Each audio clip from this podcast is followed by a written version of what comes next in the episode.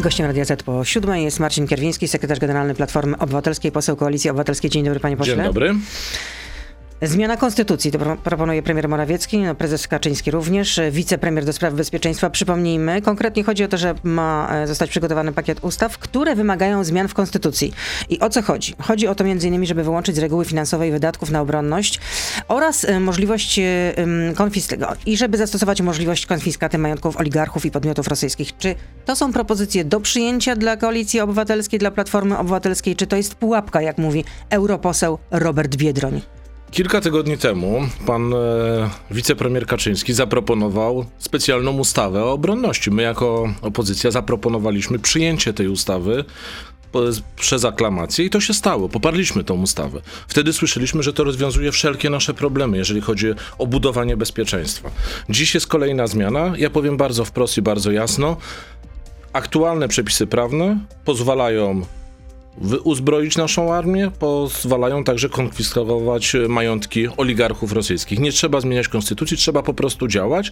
Nie ma co czekać kolejnych, nie wiem, 60 dni, bo taki jest tryb zmiany konstytucji. Trzeba po prostu zacząć pracę w tym zakresie. Nie, czeka, nie czyny e, w tym zakresie, których nie ma Kaczyńskiego, tylko bardzo konkretne działania. No to jeśli pan mówi, że zmiana konstytucji nie jest potrzebna, no to po co taka propozycja? Bo wczoraj Tusk mówi, że jestem gotowy do rozmowy, ale na serio. To to nie było na serio? Nie, bo chcemy zobaczyć przede wszystkim wszystkim chcemy zobaczyć konkrety. No jeżeli zaprasza się opozycję i proponuje się zmianę konstytucji, to powinno się położyć konkretne zapisy. Co te zapisy mają oznaczać, co chcemy kupować, jeżeli chodzi o polską armię, jak to będzie kontrolowane.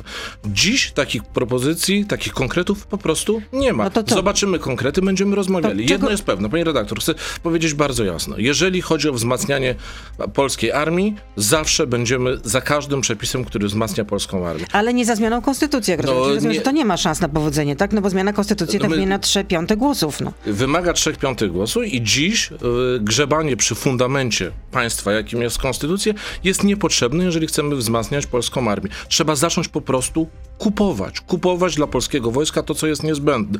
Przez 6 lat PiS nie kupuje dla wojska kompletnie, ale to kompletnie nic. Przez 6 lat wydano prawie 300 miliardów Ale czy Platforma Obywatelska tak dbała o wzmocnienie armii? E, no, Pani redaktor, zredukowała mogę, wy, mogę wymie, wy, wymienić bardzo długą, nie, bardzo długą listę rzeczy, które kupiliśmy. Kupiliśmy samoloty Kasa, kupiliśmy pociski JAS. Naprawdę było to konkretne rozwiązania, które dziś mogą służyć na polu walki. A gdzie są te obiecywane przez Macierowicza tysiące dronów? Gdzie są śmigłowce? Przetarg był zamknięty. Można było no już... przecież zamówiliśmy Bajraktary z Turcji. Kiedy za, zamówiliśmy kilka tygodni temu i będą w przyszłym roku. PiS rządzi od siedmiu lat i przez te siedem lat nie kupił dla wojska kompletnie nic. Nie ma żadnego pomysłu, jak realizować modernizację sił zbrojnych. Gdzie, panie redaktor, patrzymy na to, co dzieje się na Ukrainie. Widzimy, że największą potrzebą dla polskiej armii są systemy przeciwrakietowe. Przecież te systemy przeciwrakietowe, gdyby nie PiS, już dawno w Polsce by były. Już dawno były w Polsce patrioty, które chroniły tak, polskie systemy niebo. przeciwrakietowe to podstawa, można powiedzieć. No ale co mówi wicemarszałek no, Terlecki? To, to my wiemy, że podstawa, PiS nie wie. Myślę, że wie. Wicemarszałek Terlecki mówi tak. No jest pytanie, czy opozycja jest w stanie przejść nad tym do porządku, czy będzie działać jak dotąd, że każdą propozycję trzeba kontestować. Czy będzie się to kontestować? W takim razie zapytam, ale tak to... jakbym była po prostu marszałkiem Terleckim. Ale ja nie będę, nie, nie, będę wchodził w retorykę pana marszałka Terleckiego. Jeszcze raz podkreślę.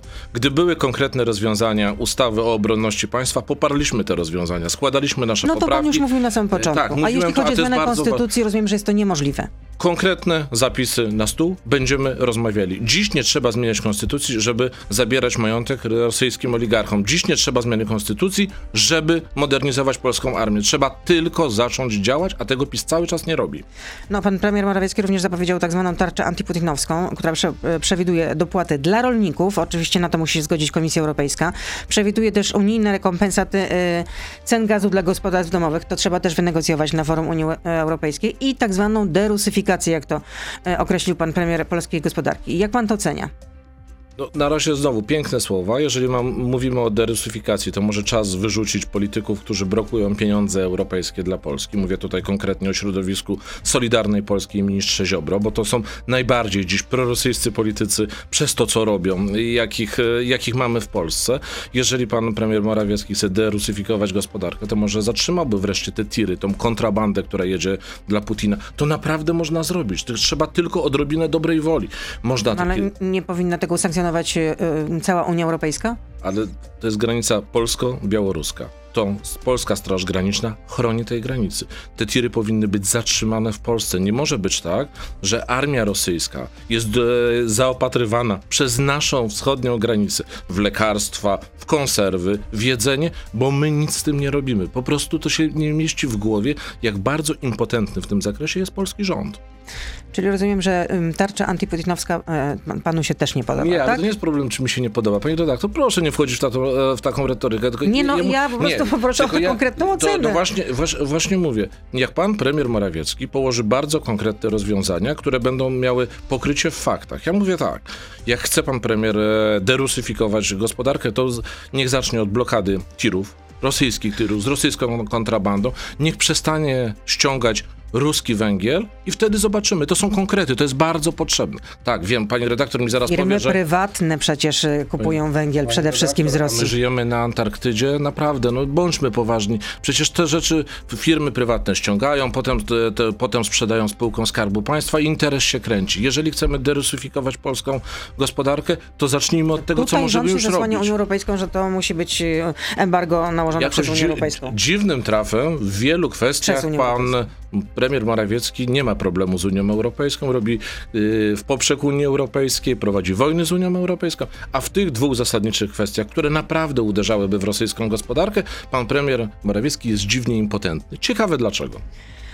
Wracając do tego, co dzieje się za naszą wschodnią e, granicą i jak zachowuje się Rosja, czy można powiedzieć, że e, Rosja też włączyła się tak mocno już na serio w, w politykę dezinformacji, informacji jak zwał, tak zwał? No bo mówię, nawiązuję do wpisu byłego premiera Mm, Dmitrija, e, Dmitrija e, Miedwiediewa, który teraz jest wiceszefem Rady Bezpieczeństwa Federacji Rosyjskiej, czyli no tak de facto formalnie jest wysoko umocowany. No i co napisał na telegramie? Polska propaganda jest najbardziej złośliwą, wulgarną, krzykliwą krytyką Rosji wspólnota politycznych imbecyli. No regularne szczucie. Polska solą wokół no, myślę, że od wielu lat Polska jest solą wokół, wokół Rosji.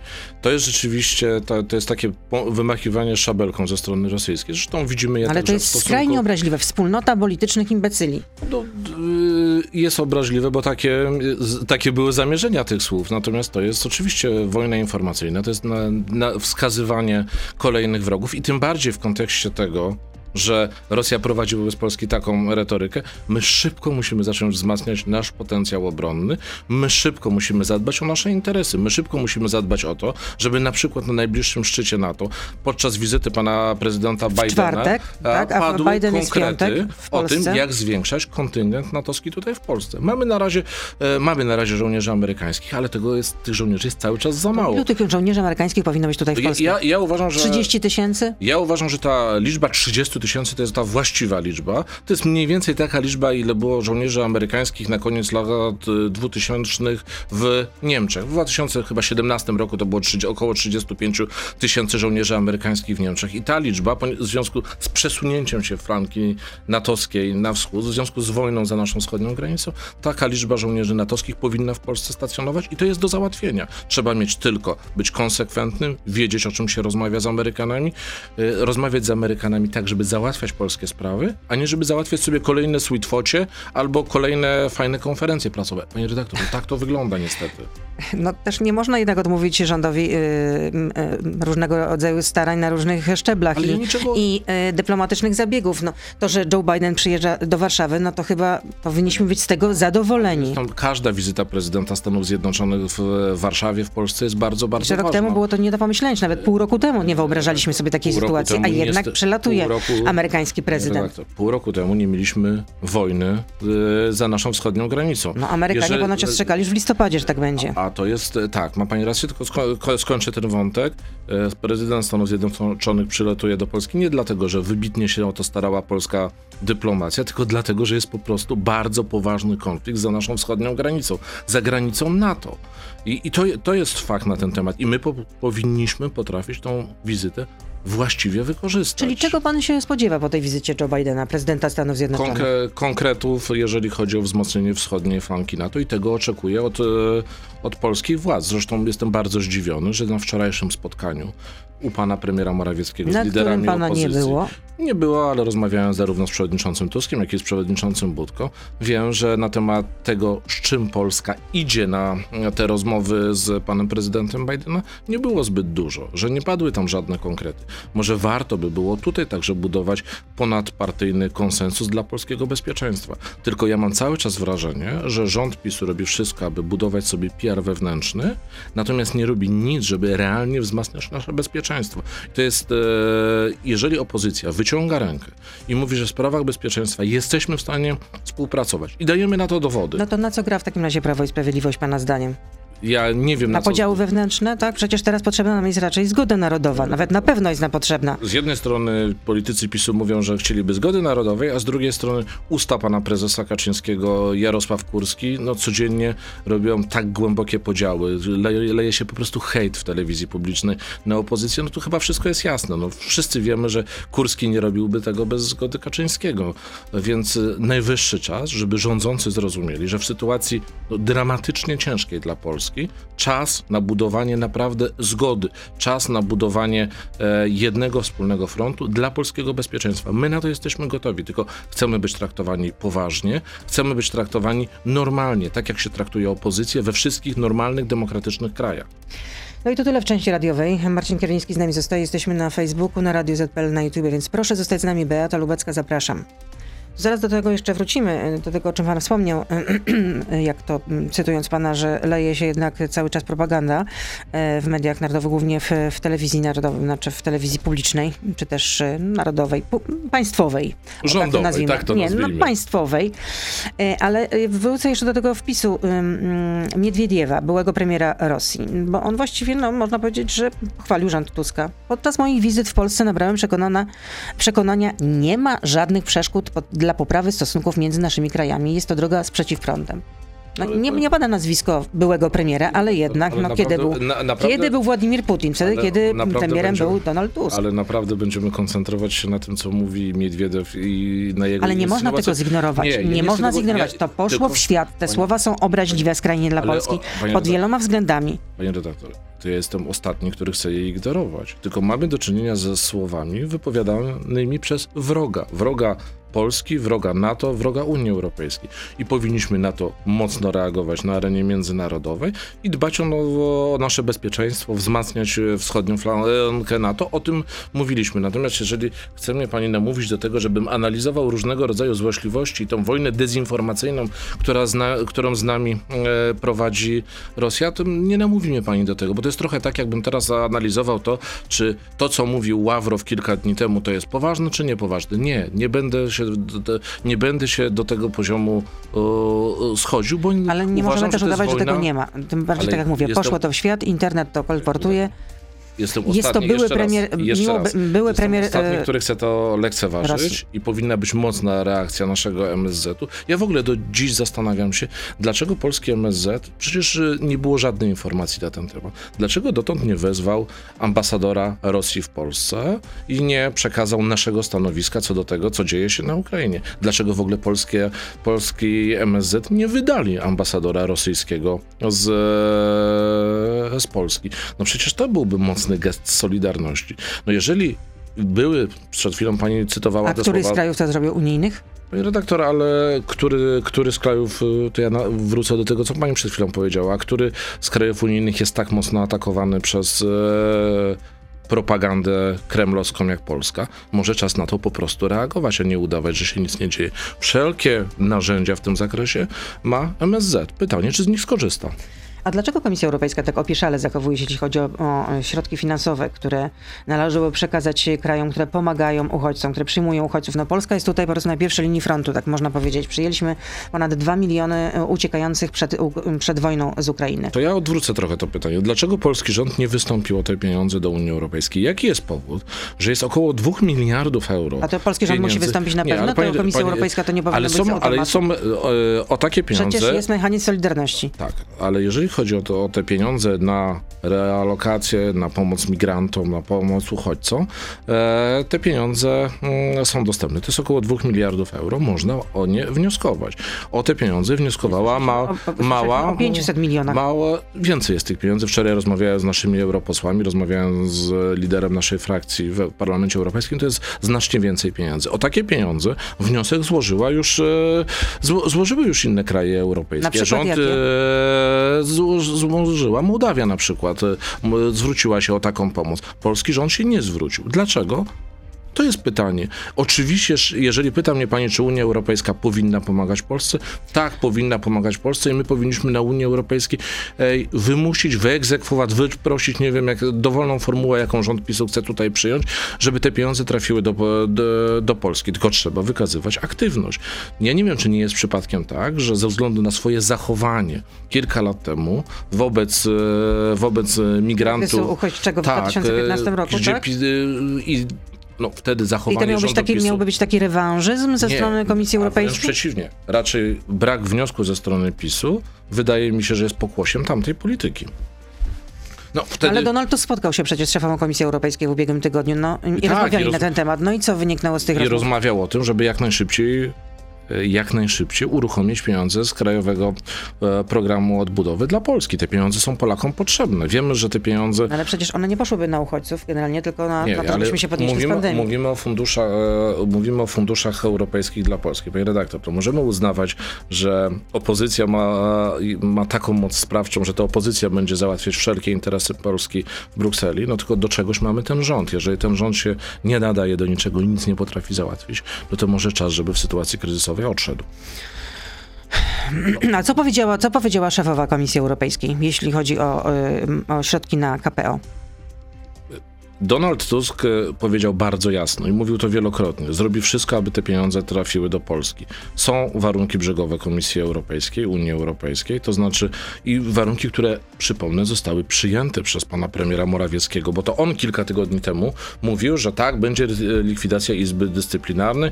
Pan poseł Kaczyński mówił o tym w sierpniu, że będzie ta likwidacja. No nie ma na co No czekać. jutro więc- przecież w Sejmie mają, mają się rozpocząć Świetnie, prace, tylko bo są to- trzy projekty ustaw prezydencki, y, poselski posłów Prawa i Sprawiedliwości i ziobrystów. Tak, świetnie. To tylko pytanie, dlaczego tak długo czekaliśmy? Polacy tych pieniędzy pot- potrzebowali No tak, już kilka były, miesięcy zapowiedzi temu. były y, tak późnym latem. Późnym mamy, latem, ale okej, dobra. Y, No, ta, ta, tak szybko działa rząd PiSu. Wiedzieli od ponad 100 dni, że będzie wojna na Ukrainie, też niewiele zrobili, ale okej.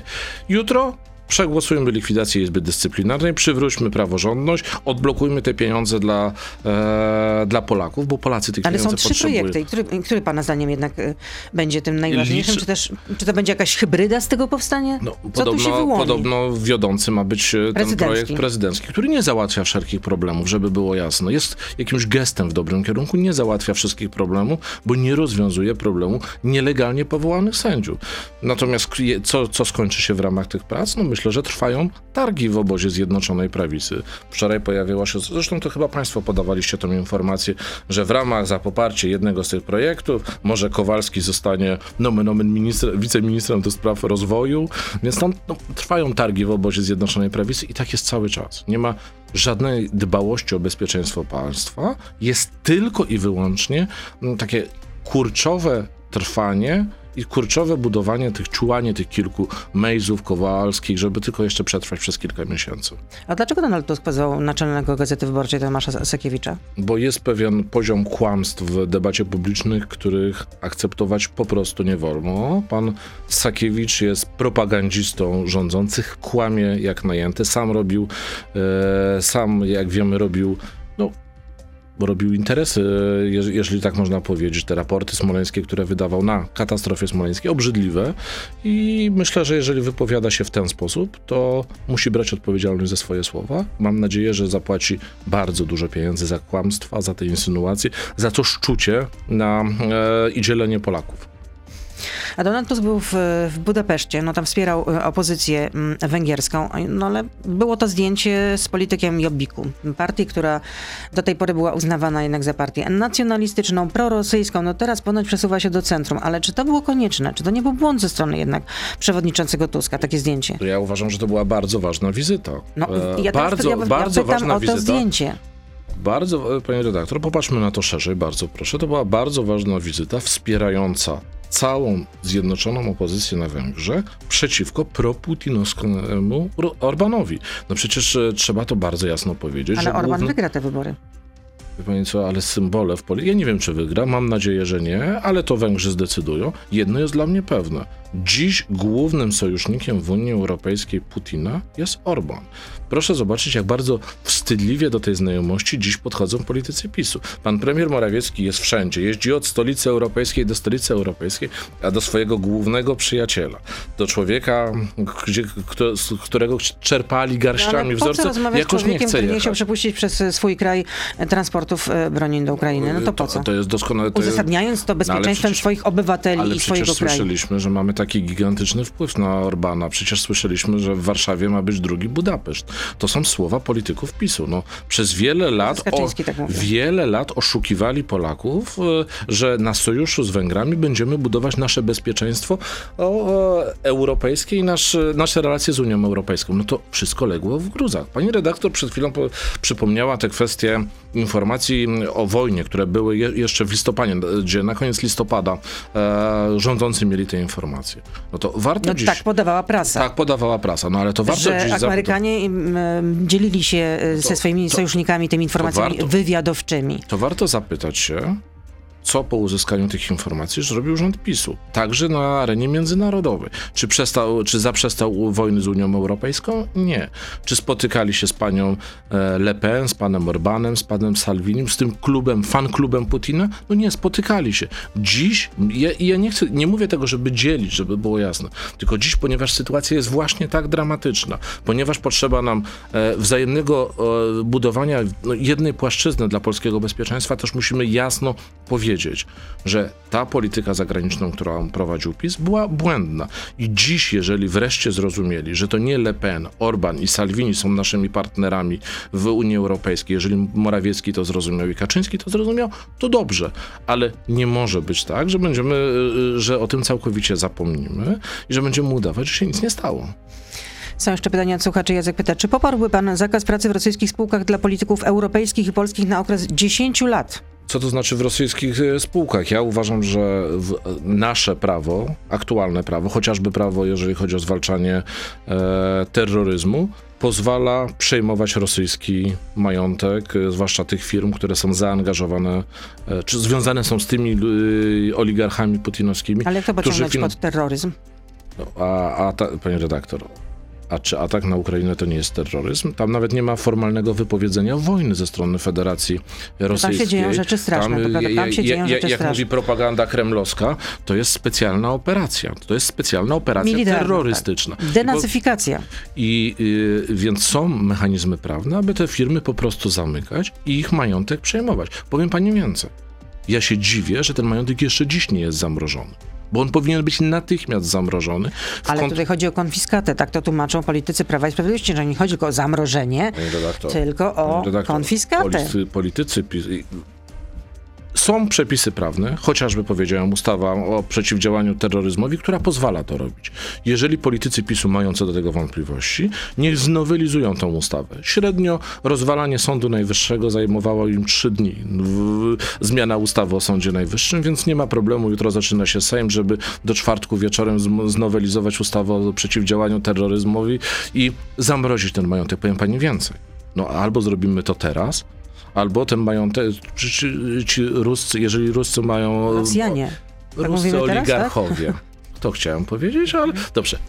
Jak pani woli, to Dobrze, woli. nie, no, nie będę tutaj pana cenzurować. No. Jeżeli ro, celowo używam pejoratywnego określenia dla tych oligarchów, którzy wspierają inwazję Putina na Ukrainę, ale dobrze, skoro rosyjskie e, rosyjscy przedsiębiorcy związani z reżimem Putina e, no, mają tu w Polsce jakiś majątek, to należy go zamrozić i zabrać jak najszybciej. Nie czekać dwa miesiące do zmiany konstytucji, bo przez dwa miesiące oni ten majątek po prostu z Polski zabiorą. jest kolejne pytanie. Jakub Wiech, działacz ekologiczny, nie może się doprosić o, doprosić o spotkanie z waszym asem od klimatu, panią posłan, posłanką Klaudią Jachirą. To co, mamy wolne media, wolność słowa, debata, odwaga, co łatwiej się wymawia, a trudniej robi? Przynajmniej kilku, kilkoro posłów Platformy Obywatelskiej zajmuje się kwestiami ekologii. Jeżeli pan, pan Jakub, tak? Tak. Odezwie się do mnie, mail jest dostępny na stronach e, internetowych. Chętnie pomogę mu umówić spotkanie, czy z paną panią poseł Jachiro, No, czy z kimś z, Działacz z Partii Zielonych, chciałby się czy... spotkać właśnie akurat z posłanką chę, chętnie pomogę, jeżeli to jest problem, który mogę rozwiązać, bardzo chętnie się w to zaangażuję. To a propos pani- poseł Jachiry. Y, Czy zgadza się pan ze swoim asem właśnie z Komisji do Spraw Środowiska, mm, posłanką Jachirą? 31 grudnia Klaudia Jachira na Twitterze napisała tak. Jak to możliwe, że rząd PiSu nie ma długoletniej umowy z Rosją na dostawy gazu? Na złość mamie odmrożę sobie uszy? Panie, panie redaktor, te słowa są trochę wycięte z szerszego kontekstu. Mówimy o drastycznych podwyżkach gazu, które. Cen. E, tak, przepraszam. E, ce- cen gazu, które uderzyły głównie osoby naj, najsłabiej uposażone, głównie osoby, które ogrzewają swoje mieszkania e, w ten sposób w grudniu i w styczniu. I rzeczywiście był to efekt tego, że polski rząd nie zabezpieczył się w żaden sposób na sytuację na rynku gazowym międzynarodową. Także nie zabezpieczył się, jeżeli chodzi o długotrwałe umowy. To jest w ogóle poważny temat do dyskusji, w jaki sposób pan premier Morawiecki dziś w tej nowej sytuacji e, geopolitycznej chce zabezpieczyć interesy Polaków, jeżeli chodzi o dostawy gazu i dostawy paliw. Bo wie pani, teraz ja przerzucę się na chwilę na paliwa, ale jak ja z jednej strony słyszę, że będziemy rezygnować z, paliw rosyjskich, i to jest, żeby było jasne, to jest dobry kierunek. No ale z tym Ale- embargiem to, to ciężko ale, idzie z, ale, z, ale z drugiej, tak, ciężko idzie, ale mówię co do, co do kierunku, żeby być bardziej niezależnym od Rosji. Ale dowiadujemy się, że rząd PiSu chce sprzedać 30% rafinerii w Gdańsku e, Saudyjczykom. No to gdzie tu jest logika? To znaczy, jeż- y, y, paliwa mają być do nas dostarczane za pomocą tankowców i dlatego sprzedajemy część naszej rafinerii, w- wypuszczamy ją z polskich rąk. No gdzie tu jest sens, gdzie tu logika, gdzie tu jest jakaś strategia? Przecież to, to się w głowie nie, nie mieści jak kompletnie bez pomyślunku w zakresie tej dywersyfikacji e, paliwowo-gazowej, jak, e, jak funkcjonuje polski rząd. I jeszcze jedno pytanie od Stefana. Dlaczego w trakcie wojny na Ukrainie e, europosłowie Platformy Obywatelskiej głosowali za sankcjami na Polskę? Nie było żadnego takiego głosowania. Pewnie chodzi o rezolucję w sprawie powiązania, y, która miała zmobilizować Komisję Europejską, żeby wdrażała ten mechanizm Większość- pieniądze za praworządność, Większość, który uderzałby w Polskę i Węgry. większość, europosłów Platformy Obywatelskiej w tym zakresie wstrzymała się, e, mimo że było to, ta rezolucja była efektem prac wielu grup w, w parlamencie. Była też promowana przez APP. E, tak, której to są- jest tak, delegacja ale, ale jeżeli, posłów Koalicji jeżeli, Obywatelskiej. Staram się oczywistą nieprawdę w tym pytaniu zweryfikować, że wstrzymali się nasi europosłowie. Natomiast, e, panie redaktor, w tej sprawie wszystko jest jasne. E, Trzeba albo wyrzucić z tego rządu Ziobrę, który blokuje fundusze europejskie dla Polski, albo wreszcie rozwiązać problem, czyli zlikwidować Izbę Dyscyplinarną i odblokować te fundusze e, dla Polski. Nie mają tu znaczenia żadne e, rezolucje, nie mają tu znaczenia głosowania europosłów. Tu wszystko jest na stole. Trzeba po prostu zastosować się do tego, o, o czym mówi Komisja Europejska od wielu, wielu miesięcy i uruchomić pieniądze dla Polaków. To może zrobić polski rząd. Dlaczego tego nie robi? Dlaczego nie chce dać pieniędzy, tych, e, tych pieniędzy Polakom? Ja tego nie jestem w stanie zrozumieć, bo dziś one są potrzebne jeszcze bardziej. Jeżeli zmienia się, jeżeli dziś proponuje się zmianę fundamentu państwa, jakim jest konstytucja, po to, żeby mieć tak przedstawia to Kaczyński. Więcej pieniędzy na zbrojenie. No to jak można odrzucać pieniądze, które mogą, e, które mogą posłużyć zasileniu polskiej gospodarki? Jeżeli użyjemy pieniędzy z KPO, to inne pieniądze niejako nam się zluzują, będziemy mogli je przeznaczać na ważne systemy mm, do, dla polskiej armii. No przecież to jest elementarz. Ja nie wiem, co, e, dlaczego tak prostych rzeczy nie rozumie e, Kaczyński, a może coś więcej. Może nie jest tak, że nie rozumie. Może doskonale rozumie, tylko z jakichś powodów nie chce tego robić. I to jest puenta. Y, Dziękuję bardzo.